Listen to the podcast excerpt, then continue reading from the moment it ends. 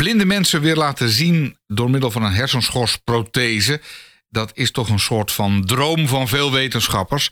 Als het ware beelden uit de buitenwereld rechtstreeks kunnen projecteren op de hersenschors. Professor Dr. Pieter Roelsema is onder andere bezig met dit onderzoek. Hij eh, promoveerde in 1995 op zijn onderzoek naar de werking van de visuele hersenschors. Uh, meneer Roelsema, hoe ver bent u met uw onderzoek? Nou, we hebben kort geleden kunnen laten zien dat uh, in apen, die hadden we getraind om bijvoorbeeld letters te herkennen, dat we uh, die rechtstreeks eigenlijk konden aanbieden uh, aan de hersenschors door de ogen daarmee over te slaan. Dus hoe dat werkt is dat als je in de hersenschors op een bepaalde plek stimuleert, dan ziet iemand, ook iemand die vroeger gezien heeft maar later is blind geworden, een stipje. Nou is het zo dat in de hersenschors een hele kaart is van de buitenwereld. Dus um, als je um, op één plek stimuleert in die kaart, dan ziet iemand op de corresponderende plek in de buitenwereld een stipje. Maar als je op een andere plek stimuleert, dan ziet hij op een andere plek een stipje. En zo, als je maar voldoende van die stipjes kan maken, dan kun je er eigenlijk mee werken als een soort matrixbord aan de snelweg. Als je op één plek stimuleert, of als je één lampje op het matrixbord aanmaakt, dan zie je een stip. Maar je kunt op de juiste plekken lampjes uh, aan laten gaan. En dan zie je bijvoorbeeld een letter of een, of een ander patroon. En dat is eigenlijk hoe we dat willen doen. Een soort van lampjes, pixels. En met hoeveel uh, pixels kunt u dan op dit moment een plaatje maken? Nu zitten we op duizend. En we willen eigenlijk naar tien of, of misschien wel 50.000. Maar duizend ongeveer op dit moment. Dat is ongeveer postzegelformaat. Daar kun je niet zo heel erg veel op laten zien. Ja, een letter misschien? Klopt. Dus het is ook wel uh, aangetoond in onderzoek dat als je bijvoorbeeld 1000 pixels hebt, dan kun je inderdaad uh, letters zien, maar dat is nog niet heel gedetailleerd. Het is eigenlijk hoe meer, hoe beter. Jullie werken er hard aan om dus richting die 50.000 pixels te gaan. Bijna een volledig beeld. Ja, dus dan kun je uh, contouren zien. Dan zou je bijvoorbeeld, als je blind bent en je zou dat, die prothese hebben en hij zou al werken. Ik moet erbij zeggen, dat is allemaal nog onderzoek.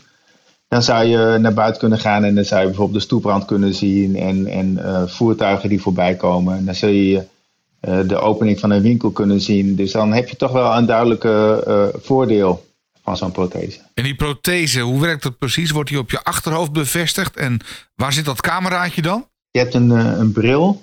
In die bril zit een camera. Die camerabeelden die worden door een minicomputertje, zeg maar de grootte van een telefoon, verwerkt en omgezet in, in stimulatiepatronen voor de hersenen. Uh, in de hersenen zelf zitten dus die elektrodes, dus die draadjes. Uh, als het goed is, zit daar een, een, chip. Uh, die is wireless verbonden met een, een dingetje wat aan de buitenkant van je huid er tegenaan ligt. En zeg maar, het gaat om die verbinding tussen dat ding aan de buitenkant van de huid en de chip zelf.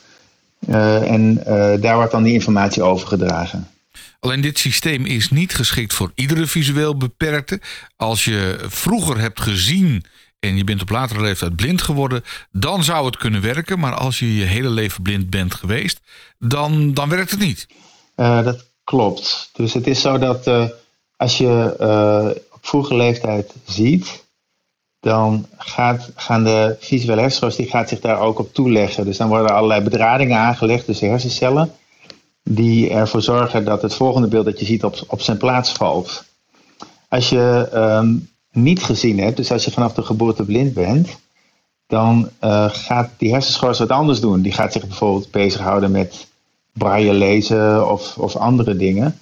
Uh, en als je dan op latere leeftijd daar iets zou aansluiten, dan, dan is die hersenschors eigenlijk helemaal niet meer geschikt om die beelden te verwerken. En dat zogenaamde aansluiten, dat, uh, ja, daar hebben jullie een probleem. Dat gaat nog niet helemaal goed. En jullie hebben extra geld nodig om daar onderzoek naar te doen. Hoe, hoe zit dat precies? Ja, je hebt als het ware die, laten we zeggen, duizend of twintigduizend draadjes in de hersenen. En die moet je dan verbinden aan een chip. En uh, dat is een probleem dat we nog niet opgelost hebben. Dus daar, daar willen we die funding voor ophalen. Als mensen willen doneren, waar kunnen ze terecht? Uh, we hebben onze website, dat is van het Nederlands Herseninstituut www.nin.knw.nl en daar vindt u een link via de, uh, de Vriendenstichting van het instituut. En als ik aan deze wetenschap, deze science, een klein beetje fiction toe kan voegen. Hoe ver zijn we verwijderd van een, eh, een aansluiting achter op je schedel. waarmee je ja, definitief de analoge ogen, al dan niet goed werkend, uh, kunt omzeilen.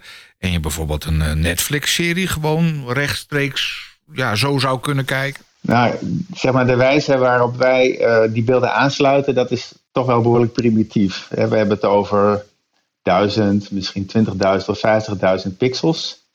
Die pixels die hebben geen kleur, of daar hebben we geen controle over. En het, ons oog die heeft een miljoen. Dus dat is 1 megapixel.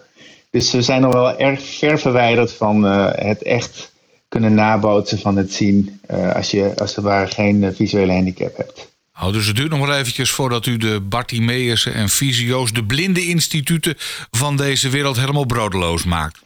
Nou, ik denk dat we de blinde instituten hard nodig hebben. Want uh, als je zo'n implantaat hebt, dan, uh, en als het allemaal zou werken, dan moeten zij ons helpen om de juiste patiënten te recruteren. Er zijn ongetwijfeld heel veel patiënten die op een andere manier behandeld kunnen worden. Dus je moet een juiste selectie maken. En als je dat implantaat hebt, dan zal er in het eerste instantie waarschijnlijk ook wat training nodig uh, zijn om dat apparaat op de juiste manier te gebruiken. Nou, dus zij hebben voorlopig nog uh, voldoende werk. Maar u bent er nog niet helemaal. We hadden het er net al over. Uh, er is nog extra geld nodig om onderzoek te doen. En daarvoor kan gedoneerd worden via de website van het Herseninstituut www.herseninstituut.nl www.herseninstituut.nl Professor Dr. Pieter Roefsma, bedankt voor uw uitleg. Graag gedaan.